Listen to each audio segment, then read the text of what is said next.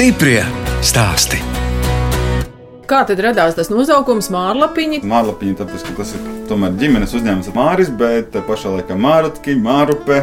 Jo ja kādreiz bija doma, ka izaugsim, būsim lielu ražotni, tā lai var apmēram miljonus burkas gadā ražot. Beigās tā padomāju, un tomēr Nē, mēs paliksim savā nišā. Protams, apjomus kāpināsim līdz tādam apjomam, ko paši varam izdarīt, un uh, to, ko paši varam paveikt. Nebūsim tur mega ražotāji. Tā par ģimenes uzņēmumu Mārlapiņu stāsta Māris Lapiņš no Mārupas novada Babītes pagasta. Es, žurnāliste Daina Zalamane, šoreiz ciemojos pie māražotāja, kas dažādus mārutku produktus ražo jau sešus gadus. Māris Lapiņš dzimis Alūksnē. Pats nāku no Alūksnes. Tas ir viens no tālākajiem Latvijas nostūriem. Tas ir sirdī un dvēselē, laikam, tā tā dzimtā vieta.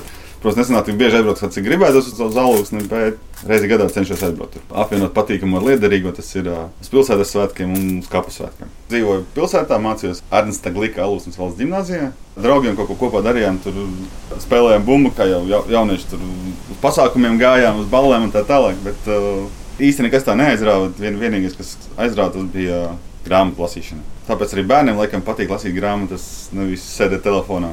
Un meitenēm ir tā, ka viņām sākās problēmas, tad ir nav ko lasīt.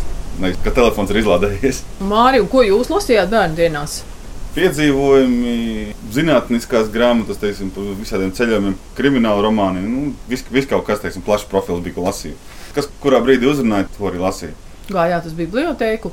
Uz bibliotēku maz, jo mums pašiem mājās bija ļoti daudz grāmatu. Arī mammai patika lasīt. Līdz ar to biblioteka mājās bija ujuj. Tajā laikā cilvēki grāmatas pirka, jo tajā laikā tas grāmatas nebija tik dārgas, salīdzinoši. Jums alūksnē arī bija kāds dārziņš? Dārzs bija, tā to atceros, ka ļaunu murgu, ka bija jāravē, jālaist. Mēs dzīvojam vienā alūksnes pusē, dārzs otrā alūksnes pusē, gurķi, tomāti un daudz, daudz zemes. Tas jau atkal patīkami. kad jāravenē, kad jā, kad jā, tas ir cits stāsts. Mārim Lapiņam jau no bērnības paticis arī gatavot ēst. Tas ir mana auga tēva nopelns, jo viņš arī ļoti labi gatavoja. Tad parasti mamma tika izdzīta no virtuves ārā. Un mēs abi divi ņēmāmies pa virtuvi, gatavojām, un patika, un vēl joprojām patīk. Bet pamatu var teikt, ielika audzētājs. Protams, mūsdienu interneta pasaulē vispārīgoties dažādiem cilvēkiem ir dažādas nianses. Es iemācījos un gaļām visu pārējo, kā gatavot, kā labāk, kā savādāk. Bet uh, tas ir tāds hobijs, kas sanāk un pašam patīk. Un kāpēc jūs neaizgājāt uz pavāriem, ja jums patika un izdevās tā gatavošana? Tajā laikā es domāju, ka tas pavāra profesijas prestižs bija diezgan zems arī. Mūsdienās ir tā, ka nu, labs pavārs ir uh, dieva vietā, var teikt. Bet nu, arī tas pats pavāra darbs ir, uh, pateikšu godīgi, nu, dienu dienā ar to nodarboties. Es domāju, ka tas nebūtu man pa spēkam, jo tas, ka man nepatīk gatavojot, pieturēties pie kaut kādiem standartiem. Es tā teiktu, esmu virtuves brīvmākslinieks. Bet, kad tev ir uh, jāgatavo 50 porcijas, viens un tas pats, viens un tas pats, viens un tas pats, viens un tas pats, viens un tas pats, negribu vairāk.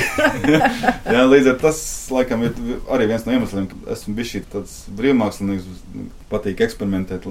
Līdz ar to ar tiem mārciņiem es varu eksperimentēt. Protams, kad jau tā recepte ir uh, izstrādāta, tad jau protams, pie viņas ir jāpieturās, lai tev katru reizi sanātu viens tas pats. Nevis vienreiz tev sanāca tas, otrreiz tas. Tur, protams, tās proporcijas jā, jāievēro, bet tas nav tā, ka tu katru dienu vienu un to pašu gatavo. Tu vienā dienā gatavo vienu, nākošais citu kaut ko. Līdz ar to ir tā, ka tas nav viens un tas pats visu laiku. Rīgā Māris studēja ekonomiku un jurisprudenci, bet studijas nepabeidza. Jurisprudence apnika viennozīmīgi. Tas, tas papīru variants tas nav manējais man tomēr labāk patīk cipari. Nu, bet tā jurisprudence un ekonomika tās jau tomēr divas dažādas jomas. Tad jūs uh, Jā, dažādas. izmēģinājāt abas? Abas ir izmēģinātas. Protams, tā jurisprudence tas nelielais pamats noder. Palīdz tas, kad ir kaut kādi pamati. Izlasīt līgumu, teiks, to tu vari saprast pats jau kaut ko, nu, kaut kādas niansēs, tad, tad var meklēt jau kādu juristu, ja, bet tas palīdz.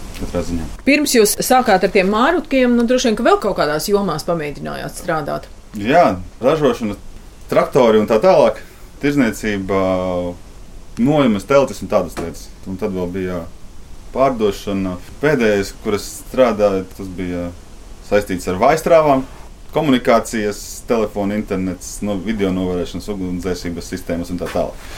Visādas jomas ir teiksim, zināšanas par kaut ko, kaut kas ir. Bet tad pienāca krīze, un tad visus, kā saka, saīsināja. Es tā starpā tiku, tieši tad bērni bija mazi. Sieva aizgāja atpakaļ uz darbu, es paliku bērniem mājās. Tas bija 2008. un 2009. gads. 8. Jā. Vienā dienā izdomājām, ka Rīgā vairs negribas dzīvot un pārcēlāmies uz Jaunmārupi. Foršs blakus pilsētā, bet te pašā laukos, un viss vis tā mierīgi tur klusi un tā notiek. Šiem 12 gadiem, kopš dzīvojam Jaunmārupē, ir uh, krietni apaugusi ar teiksim, privātmāju rajoniem un tā tālāk. Protams, viens no iemesliem bija tas, ka turpat blakus ir bērnu dārza skolā. Super, ja, kad bērni ar kājām uz bērnu dārza skolu var aiziet. Ja, turpat arī mākslas skola. Māri, bet kad jūs palikāt mājās, cik tad meitas bija vecas? Septiņi mēneši, astoņi. Maziņas bija. Un kā jums gāja? Ļoti labi. Nesūdzos. Daudz stāsta, ka pat, pat bērniem tur niķojās, nē, nezinu, ko tur un tā tālāk. Kā tas var būt? Jā. Un tomēr nu, jums taču ir divi meitas. Jā. Viena grib ēst, otra grib ēst. Ir noteikti laiki, kad gulēja, kad ēda, kad spēlējās. Līdz ar to tad, tad pulsam varēja regulēt pēc tiem laikiem, kad, kad vajadzēja ēst, kad vajadzēja gulēt, kad vajadzēja spēlēties. Pats arī ēst taisījāt mietām. Es jau joprojām to daru. Jo mūsu ģimenē tā, ka gatavojas iesvērt. Visas tās putriņas, kuras tur vajag smalcināt. Un... Tas jau vispār nav, nav, nav nekāda problēma mūsdienās ka virtuves tehnika ir pieejama. Bet kā jūs pats kā vīrietis jutāties, nu, ka sieva aizgāja uz darbu un jūs palikāt mājās ar bērniem? Šajā ziņā man liekas, pat sieva nedaudz skaudīga. Visus pirmos soļus, visu, visu piedzīvoju es nevis viņai. Ja. Tas laiks pavadīties ar bērniem kopā, man liekas, ir nenovērtējams. Māri, cik ilgi tad jūs tās meitas auklējāt? Kaut kur līdz 3,5-4 gadiem. Jā, vienam meitai veselības problēmas, un līdz ar to nav tik vienkārši, kad uh, varētu tālu būt no mājām projām. Vienmēr jābūt gatavam, kad nu, kaut kas var notikt. Audzinot meitas, radās arī pirmā sava biznesa ideja. Vecākā meita sāka mākslu un nodarboties četros gados zīmēt, tā kā dažs labs nezīmē, pat 11 gados. Ja. Privāts skolotāju dabūjām, sākām meklēt uh, visus tos pričendājus, kas vajadzīgi glaznošanai, ja, un sapratām, ka ārprātīgi dārgi viss sanāk. Glaznojot, ka visi tie sarilien ārā no tam otram, tas īsti nedara. Tad uh, sākām nodarboties ar māksliniekiem paredzēto lietu tirgošanu. Internetā tiešo tirzniecību sapratām, ka lai varētu to aktīvāk darīt, tur vajag krietni lielākus apjomus pasūtīt un tā tālāk. Bet tam īsti nebija ne vietas, ne arī līdzekļu, kas to visu attīstīt. Un tad pienāca skolas laiks. Nu, sāka meitenes iet skolā. Skolā bija Mikls tirdziņš, un otrajā gadā, kad viņam tas tirdziņš bija, mēs uztaisījām mārciņus. 15, 20 minūtes visu, visu, visu izpārdevām, nopelnīja katrs par 40 eiro. Tad vakarā ar sievu sākām domāt, moška kaut ko no mārciņiem. Da, da, Bet tieši ko jūs uztaisījāt? Kādu mārciņu produktu? Vienkārši notīrījām samalā mārciņus, dārzā izrakām un uh, sataisījām tādā pašā veidā, kā mēs joprojām viņus, viņus gatavojam.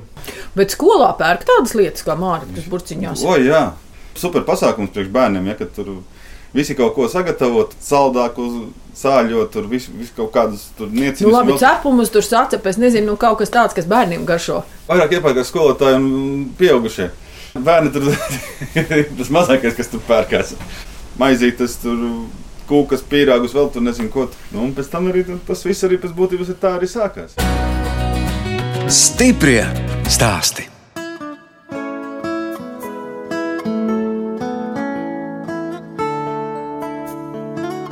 Jūs klausāties raidījuma stipri stāstī. Šoreiz ciemojos pie Māra Lapiņa, Mārupes novada Babītas pagastā. Māris ģimenes uzņēmumā Mārlapiņi gadā pārstrādā līdz pusotrai tonnai mārutku un gatavo 30 produktus, kuru sastāvā ir mārutki. Kā saka Māris Lapiņš, veiksmes atslēga ir atšķirīga mārutku gatavošanas recepte. Es esmu vienīgais, kas ražo mārutkus bez etiķa. Un vēl viena Atšķirība ir tā, ka mēs izmantojam vismaz četrgadīgus mārciņus. Tas, kas citiem jau ir uh, beigts produkts, tas mums ir tas, ko vajag. Lielākā problēma tas ir uh, izējuma materiāls. Pagājušajā gadā iestādījām, šogad vēl stādīsim, lai būtu vismaz pēc kāda laika pašiem mārciņi un nebūs jādomā par to, kur viņus dabūt. Bet kur jūs uzzinājāt, ka tam mārciņam jābūt tieši četrus gadus augšam? To mēs tā netīšām pirmajā gadā, kad paši vairs nevarējām izrakt, jo zeme bija sasalusi. Atradām, kur var dabūt nopirkt mārciņus, sataisījām un pēc tam attaisījām burciņu un skatījāmies, kaut kas nav. Pagaršo, jā, nu, asuma nekāda vairs. Lai gan, kad uh, tikko sataisījāt, tad tas asums bija tā, ka tur acīs cērtas. Acīs cērtas, viss, viss tā kā vajag. Un tad meklēja informāciju, kas un kā. Nu, un tad atrada arī vecu latviešu teicienu, ka mārciņa trok tikai trešajā gadā. Un tad atrada arī informāciju par to, ka mārciņam vajag vismaz divas ziemas izsalt, lai viņam tas asums, kas viņam ir uzkrājies, lai viņš tā kā iekonservēs. Tas asums viņam paliek. Kurš audzē mārutkus četrus gadus? Neviens, man liekas, tik ilgi neaudzē. Nē, tie, tie ir pārsvarā tādos laukos, kur viņi vienkārši aug. Dienas laikā var sarat līdz pat 100 kg, ja, un tas ir uh, 100 līdz 150 eiro no mums tas var dabūt. Pagājušā rudenī, kad cilvēki nedēļu pastrādāja, mēs viņiem samaksājām 1300 eiro par nedēļas darbu. Nu, ja jūs teicāt, tonu pusotru jūs gadā pārstrādājat, tas jau ir diezgan liels apjoms. Nu, jā, priekš mums tas ir liels savā ziņā, jā, bet priekš mārciņu pārstāvs tas, tas ir mazs. Tie paši lielie pārstāvji kaut kādas 8 tonnas gadā. Bet, nu, Tur rēķināsim to, ka tur ir pavisam savādāki mārciņi, savādāks pārstrādes process un sastāvs arī pavisam cits. Mārutu produktu gatavošana ir roku darbs, vai tomēr ir jau arī kaut kādi izdomāti aparāti? Nu, malšana un teiksim, sajaukšana tur ir ā, aparāti. Jā. Malšanai tas ir gaisa mašīna. Kādreiz malām ar, ar mazo elektrisko gaisa mašīnu samalos rupjākā variantā, pēc tam likas malis smalkākā. Bet tad caur līderu projektu dabūjām lielāku gaisa mašīnu, kur jau ir ā, vairāki sieti iekšā, un vairāki naži. Tad, tad teiksim, tā ie- ieliec par iekšā mājas, un tev birst ārā uzreiz tev gatavs produkts, tikai jāsajauc. Ar laiku ir doma, ka vēl kaut ko jaudīgāku varētu, ja, bet viss jau atdurās pret, pirmais pret pašiem ārotiem, un otrs ir pret viņu tīrīšanu. Tas ir pats pats laikietilpīgākais darbs. Un tīra ar rokām joprojām. Citu variantu tur Jāmizo. Jāmizo, jā. Tur citu variantu nav. Un tomēr tā mārutku specifiskā smarža, ko te jūs liekat kaut kādus, es nezinu, maskas. Neko, es neko nelietoju. Nē. Nu, jums vismaz brilles, tas drusku aiztur, ja, to stiprumu. Pieņemsim, ka tā, jā.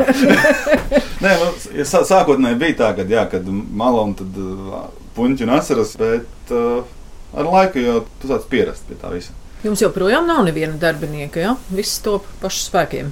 Nu, teorētiski viens darbinieks ir, kas ir sievas, tā, kas brauc ik pa laikam pie mums ciemos un mizo mārciņus. Lai samizotu divi spaiņu mārciņu, esam izvēlējušies, un tur sanāk viens spainis samalti. Tam ir vajadzīgs kaut kas no 4,5 līdz 6 stundām. Viņš arī labprāt arī atbrauc palīdzi, jo cilvēkam pensijas gados sēdēt mājās un neko nedarīt. Cilvēkam tas ir svarīgi, ka nu, viņš ir novērtēts, viņš jūt, ka viņš var palīdzēt un ka viņš to labprāt dara. Ja, nu, Ja visu cieņu, kad nav, tad, tad, tad darām paši. Ja? Nu, Citu variantu jau nav, kad pasūtījumi nāk. Atceros, kad pirmās burciņas bija tā iepakotas sviestopieši teiksim, pāri teiksim, katram bantītam un šiltīte klāt. Un tad lēnām garā izdomājām, kad uzlīmes jau. Kamēr uz dizains, kamēr uztaisīja viņas, kamēr viņas tev uzdrukā. Tas arī paņēma laiku. Bet kas nervus. to dizainu jums veidoja paši? Ideja pašiem bija, bet, nu, protams, realizēja to cilvēku, kas, kas to no- nodarbojas. Latviešu meitene Vācijā. Mēs tā veiksmīgi ar viņu sadarbojamies, kad viņa barterī strādāja. Viņai ļoti patika mūsu produkti, un tad viņa teica, ka viņa mūsu produktus un to viņa mums uztaisīs. Nu, kā tie jūs salīgāt, cik burciņas par dizainu kaste? 5, 6 burciņus par reizi. Ja, tur bērni tagad ir uh, lieli. Burciņu aplīmēšanas un vispārējais. Tas, tas ir viņu darbs. Viņas to izdara tādā tempā, čik, konvejas. nu, jā, nu, kā jau sakām, mazi veikli pirkstiņi. Ja, tur viena to, otru to. un To, ko mēs ar sievu būtu izdarījuši stundas laikā, viņas, viņām paņem 20 minūtes. Un cik tam meitām tagad gadu? 13.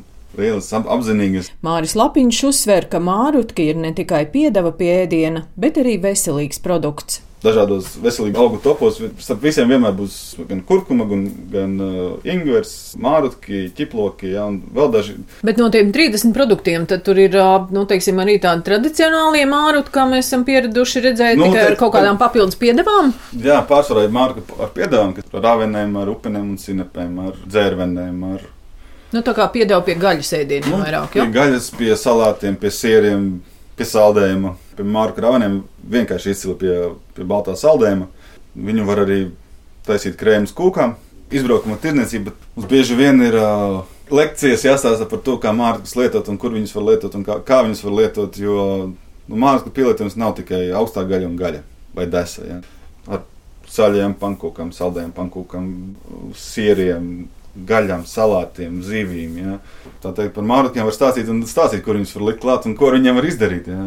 Ir kaut kas, protams, internetā atrasts, bet uh, par pašu pielietojumu pēc būtības tas ir, tas ir paša viss izmēģināts, viss noprovēts, jo es pats daudz gatavoju un viss ir izmēģināts, lai varētu droši teikt, ka tas ar to iet kopā, ka tā var darīt un tā var lietot, jo paši lietojam to, ko paši ražojam, tāpēc arī var droši pamācīt, kā lietot, kur lietot un kāpēc lietot. Viens no populārākajiem mārlapiņu produktiem ir mārlapiņu bomba. Pamatā tur ir dabīgs ābola etiķis. Tad tur nāk mārutki, ingvers, ķiploki, sīpoli, čili, kurkuma, kanēlis, krustnakliņas un medus. To jau var jebkurš ja, ja nu, nopērkot vai ieiet mājaslapā, apskatīties sastāvu, bet tā pašā laikā proporcijas gan nete, neteikšu, ja, cik ir kas. Tas mēnesis viņš savalkās, tad izkāšam un pildam pudelēs. Un esam sapratuši, ka 80% cilvēku viņu pērk nevis tam, ka mēs viņu radījām, pēc būtības kā piedevu, garšvielu un tā tālāk. Bet tieši pret vīrusiem, saslimšanām, imunitātei.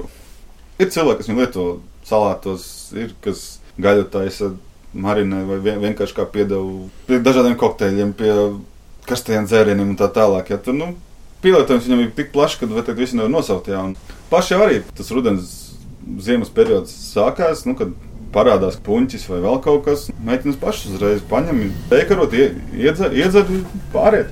Jums ir vairāk kā 30 dažādi produkti no mārutkiem. Kurš tad ir tas, kurš izdomā jūs pats? Pārsvarā, jā. Protams, ir kaut kādas idejas, ko atrodi internetā, vai sievai ienāk kaut kāda ideja prātā, vai vienkārši kaut kāds negadījums, tā kā, piemēram, mārciņa šokolādes trifeles. Tur vienkārši kaltējām mārciņus, un viens mārciņš iekrita gabals Nutellas burciņā. Pagaršoja, kā garšo šokolāde mārciņu kopā. Un tad jāizdomā, kā to visu dabūt gatavu. Un bija garšīgi? Bija baigšīgi.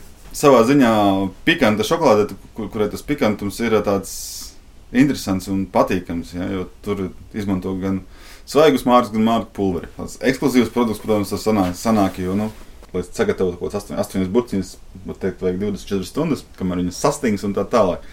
Specifisks produkts, bet te pašā laikā uz rudens puses, Ziemassvētkiem tas mums ir diezgan ejošs produkts. Mārutku šokolādes trifeli, tad viņa ir salda? Jā, šokolāde. Jā. Tikai ar tādu mazu asumiņu. Ja? Ar asumiņu, jā. Mārcis iedod arī savu, savu garšu, jo mārcis smarža ir jā, un šokolādes smarža kopā. O, nu, redz, jūs pieminējāt to mārutku pulveri. Kāpēc tādu vajag taisīt? Samaļ izžāvē? Nē, sagriež, izžāvē un tad samaļ. Mums vēl tāda doma kaut kādu iekārtu dabūt, kas viņus samaļ, jo kafijas zinoņi, tas tā, tā nav varšana. Bet nu, mārciņu pulveri izmanto ļoti, ļoti plaši vispār pasaulē. Jo, ja mēs zinām, ir tāds wasabi pastas, ko, ko pēc sushi liek klāt, galvenais ingredients ir mārka pulveris. Wasabi tur labi, ja 2% ir. Nākotnes ideja ir mēģināt wasabi audzēt Latvijā. Tas ir cimperlīgs augs. Sinepju māras, kur teiksim, radinieks no Japānas, to mēs gribētu izaudzēt tā, lai mēs varam arī viņu realizēt. Jo nu, tas būtu svaigs produkts, kas ir vietējais produkts, jā, nevis no kaut kurienes, bet tieši vietējais, protams, viņš nebūs lēts. Fasabī, nu, lai varētu novākt viņam baigi vismaz trīs gadus augt. Es domāju, ka tas varētu būt tāds interesants produkts arī mūsu tirgu. Tagad jau daudzi mazie uzņēmumi liek arī tos angliskos nosaukumus. Jūs esat izvēlējuši mārlapiņu. Tas nozīmē, ka jums nu, tādas domas par to, ka varētu kaut kur arī eksportēt, nav. O, nē, kāpēc? Eksports mums uz īriju ik pa laikam ir. Pie tautiešiem? Nu, pie tautiešiem pārsvarā, jā, bet tur ar tiem tautiešiem arī ir tā kā ar, ar bitēm, var teikt, jo tie vietēji pateica, tāda cena, mēs aiziesim uz Lidlu nopirksim, vai Aldo, kas tam viņiem tur ir, jā. Mēs nopirksim par 50 centiem, ja tu mātu burciņu pa lēto nopirkšu, jā. Bet mēs arī īsti lētāk nevaram palaist, jo, nu, roku darbs maksā tik, cik viņš ir, jā, un tas, tas mārs saknes arī, nu, ja mēs ne, neiepērkam tā kā spila pa 70 centiem kilogramā, jā daudz kur jau to mārciņu nepazīst, jo viņš ir baigi reģionālais produkts. Jā. Vācijā tas ir Bavārija, Austrija, Slovākija, Polija. Tur pavisam citi apjomi ir ražošanā. Slāvu tautas. Gribētu teikt, ka Latvijas teica, Nihrenā. jo viņiem tāpat mārot, kurš ņabis un kas tur tas ir savādāk. Renavuha tas ir pavisam savādāk. Bet uh, tirdziņos, ja paskatās, tad uh, krievalodīgajiem vairāk ir sinepes. Latviešiem savukārt vairāk patīk tieši mārciņa, nevis cinepes. Šogad tikām Rīgā klētī. Tas tāds uh, pastāvīgais, var teikt, katru mēnesi zināms, kad, ir, uh, kad tur būs un kad vajag. Ja, un katru mēnesi zini, ka tev būs noiets, samaksa. samaksa. Mazos neapbīžo, ja mēs jums maksāsim tik un tik, bet viņi maksā vienreiz mēnesī. Bet nu, maksā precīzi. Tur nu, viss, kas ir. Tā, iepriekšējā mēnesī pārdots, par visu tiek samaksāts un, un nav nekādu pretenziju. Un, un... Bet pats jau jūs tos produktus arī tirgojat tirdziņos, kalcijuma nu, tirdziņā arī. Nē. Ja tur jāiegulda diezgan liels laiks un līdzekļi, lai, tu, lai, lai cilvēki pieskatītu, ka tu tur esi. Mēs vairāk orientējamies uz citiem tirdziņiem, gada tirgiem un tā tālāk. Stiprie stāsti!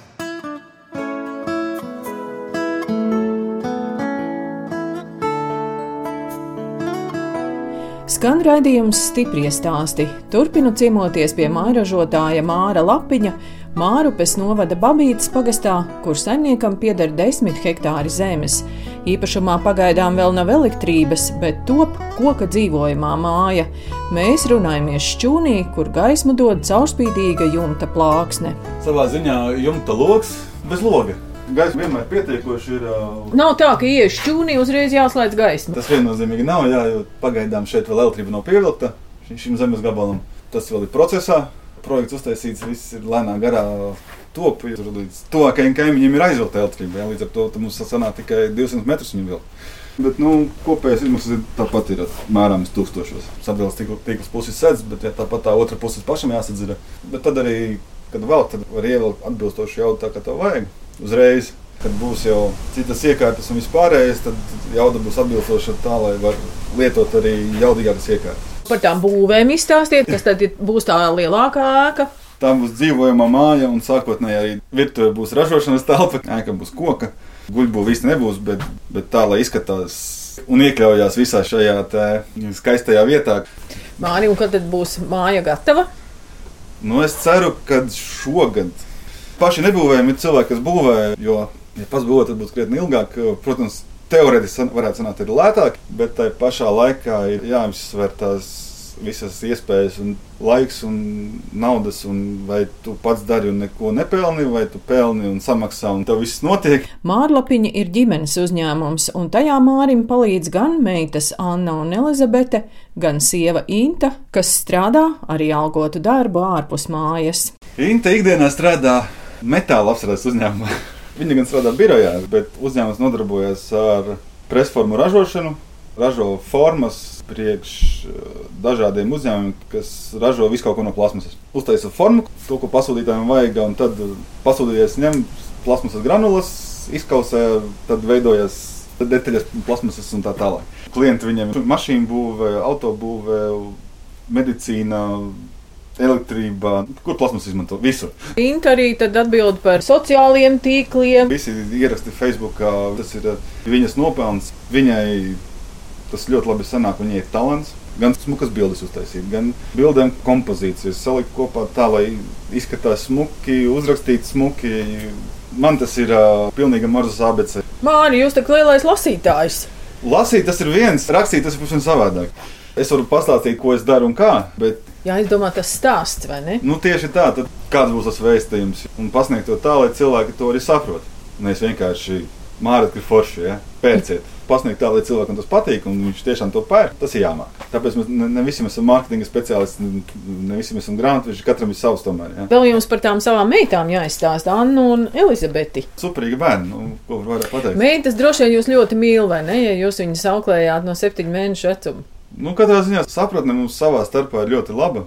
Arī sievai ar bērniem ļoti laba sapratne ir, mēs ar bērniem ļoti daudz runājam, daudz ko apspriežam un izrunājam. Man šķiet, tas ir ģimenē ļoti svarīgi, kad ar bērniem tiek komunicēts un runāts. Nevis iegrūsta planšeta rokās, vai telefons, vai dators. Kā iet? Labi. Viss kārtībā? Jā, ok, čau. Viss. Protams, tu jau jūti, ka nu, meitene saka, pieaugt, paliek sievišķīgākas un tā tālāk, bet tajā pašā laikā nu, nav nekāda problēma. Jūs jau pieminējāt, ka vienai meitai lielas dotības mākslas jomā, joprojām glezno. Jā, jā, jā, joprojām zīmē glezno. Abas divas, teiksim, tā vienai bija savādāk skats uz to visu, pacietību, to visu darīt teiksim, līdz sīkumam. Ja? Otra redz kaut kā savādāk, vienu to pašu, ko viņas uzgleznot. Tad var pateikt, ka divi dažādi cilvēki zīmējuši. Katrai savs skatījums uz to visu. Viena ir teiksim, cilvēks orķestris, otrai patīk, kad viss ir uh, pilnīgā noteiktībā. Viņai viss ir saplānots, tad viņa jūtas komfortabli. Tiklīdz kaut kas nav, sākās nervozēšana. Jāpielāgojas reizēm tam bērnam, kuram patīk pēc saraksta, tad lai mazāk nervozē un tā tālāk. Māris, sieva un meitas lutina ar vakariņām. Tas ir atkarībā no iedvesmas, no tā, ko kurš grib. Pagaidām vēl jums pasūta, ko kurš grib. Nu, gan drīz, jā. nu, tagad jūs lutināt tās meitenes. Lai saprotu, kādas dzīves vērtības ir. Nu, jūs, jā. Kaut kā es, jā. nu, lai zinu, ko no dzīves var prasīt. Teiksim, man jau smējās, jā, aiziet uz restorānu, tas ir vīlais, tāpēc, ka tu saproti, ka to mājas labāk uztaisīs. Protams, ir gaļas, visādas jūras veltes, zivis, tārzeņi. Nu, ģimene mēs ēdam visu. Līdz ar to mums īpaši nav problēmas. Bet no gaļām tas mums ir medījumu gaļa, tas mums ir topā. Jūs esat arī mednieks pats? Nē, man tas kaut kā neaizrauja. Tur Nāģis tēvs bija mednieks, un daudz kaimiņu mednieki, tie, kas arī šeit apsaimnieko medību laukus. Te pierīgā arī daudz zvēru. Tieši šeit, kur mēs esam, te ļoti daudz pusdienas staigā. Uz pāris nedēļām, kamēr gaidīju, kad mednieks man atradīs samaksu par to, ka viņi te drīkst medīt, stāvot pie mums paskatīt, es redzēju divus briežus un trīs stirnas. Dzīvnieku daudzība tieši šajā reģionā ir ļoti plaša. Te ir pat par sevi bebri, lapsas, zaķi, stirnas, brieži, meža cūkas, vilki. Lāci gan vēl neesmu redzējis. Piņķos esmu bijis. Tā kā tepat jau kaut kur viņš landās. Jums ir kaut kādi kopīgi vaļasprieki? Māratki. Ģimenes biznesa tieši tā, bet kopīgi vaļasprieki nu, brīvdienās bieži vien, kad, nu, ja es neesmu kaut kur aizbraucis, tad ir uh, galda spēles, kāršu spēles. Sēžam pie galda kop, kopīgi spēlējam spēles, apceļam viens otru. Tas tāds atpūtas rituāls, ja, kad mēs tur visi sēžam kopā. Tur, Pirms vai pēc pusdienām, vai kamēr gatavojās pusdienas, tikmēr mēs spēlējam. Atceros kādreiz, kad nu, pašiem mums ar Intu patika arī draugiem tās galda spēles spēlēt. Kolekcija tā laikā ir savākta. Tas teica, jāgaida tas brīdis, kad bērni izaugs, ka varēsim spēlēt. Nu, tad pienāca tas brīdis, kad tās spēles varēs sākt spēlēt jau nopietnāk, teiksim, kā katana. Tad tas attīstīja domāšanu. Paša savu brīvs brīdis, nu, slikts laiks ārā, lietus līdz vēl kaut kas.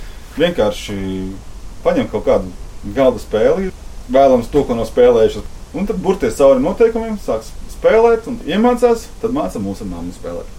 Patīk brīvā dabā neko nedarīt, var teikt, atpūsties tiksim, tā atbrauc uz šejieni, te vienmēr būs ko darīt. Kā jau laukos, ja? bet ir tā, ka vienkārši kaut ko pastaigāt, paskatās, kas pļāvās savu. Te ir tie desmit hektāri, te tātad jau cik tad tie mārutki ir iestādīti? Nu, iestādīti kaut kādi 200 kvadrātmetri. Sagatavots priekš mārutkiem pusotrs hektārs. Tas lauks būs jāapstrādā vēlreiz, jo tas, tas tika izdarīts pagājušā rudenī. Tad viņš atkal ir izveidojis par dabisko pļauju, var teikt. Jo puse no zemes ir meža zeme. Līdz ar to tur īstenībā neko nevar darīt. 5,5 hektārus paliek visam pārējiem, gan pašiem, gan dārzam, gan mārutkiem. Un sievai vēl ir doma pļava, kas ir atstāta tā kā dabīgo pļauju. Pastaigājam paši un ar zinošiem cilvēkiem atklājās, ka mums te ir ļoti daudz dažādu vērtīgu un retu ārstniecības augu. Ir tāda ideja arī par to, ka cilvēki nāk un paši lasa to, ko vēlās. Un tas ir ekskursija pa dabīgām pļavām, kas, kas mūsdienās jau ir diezgan reta parādība. Nu, pilnīgi neticami. Mēs te braucām pa tādiem meža ceļiem. Nu, nemaz neliekas, ka esam pierīgā mārupē. Jā, tas ir tas baigais pluss šeit, bet tā kā šeit ir uh, Ziemassvētku kaujas bijušas, tad te ir Ziemassvētku kauju muzejs un uh, daudz dažādi apskates objekti un piemiņas vietas. Līdz ar to neteiksim, ka šeit cilvēku brīvdienās ir maz. Ir doma vēl arī runāt ar uh, Ziemassvētku muzeju, ja, kad uh, mēs par viņiem stāstām, viņi par mums pastāst. Savā ziņā tā ir vēsturiska vieta Latvijai. Tas pats Ložmetē kalna, tas uh, skatu tonis, ja, nu, burvīgs skats pavarās. Un, ja ir tāds vējains laiks, kā mums šodien ir, tad uh, augšā var izjust, kā konstrukcija šūpojas. Plus vēl, protams, arī sēņu ogu cilvēku te ir daudz. Plus vēl ļoti populārais geocachings, Te ir uh, 3 hektāru platībā, te ir kaut kādi 30 punkti. Mēs plānojam arī šeit visu pārcelt. Visa ražošana, visa audzēšana, viss plus vēl, protams, plānā ir uh, uzņemt arī turistu grupas. Cilvēkiem tas patīk. Degustācija, tas viss kopā, tad, lai var redzēt, kā aug, kā pārstrādā. Radījums stipri stāst izskan, un mēs atvadāmies no Māra Lapiņa, kas ģimenes uzņēmumā Mārlapiņi Mārupes novada Babītas pagastā no mārutkiem gatavo 30 dažādus veselīgus produktus. No jums atvedās žurnāliste Dāna Zalamane un operātore Nora Mitspapa, lai tiktos atkal tieši pēc nedēļas.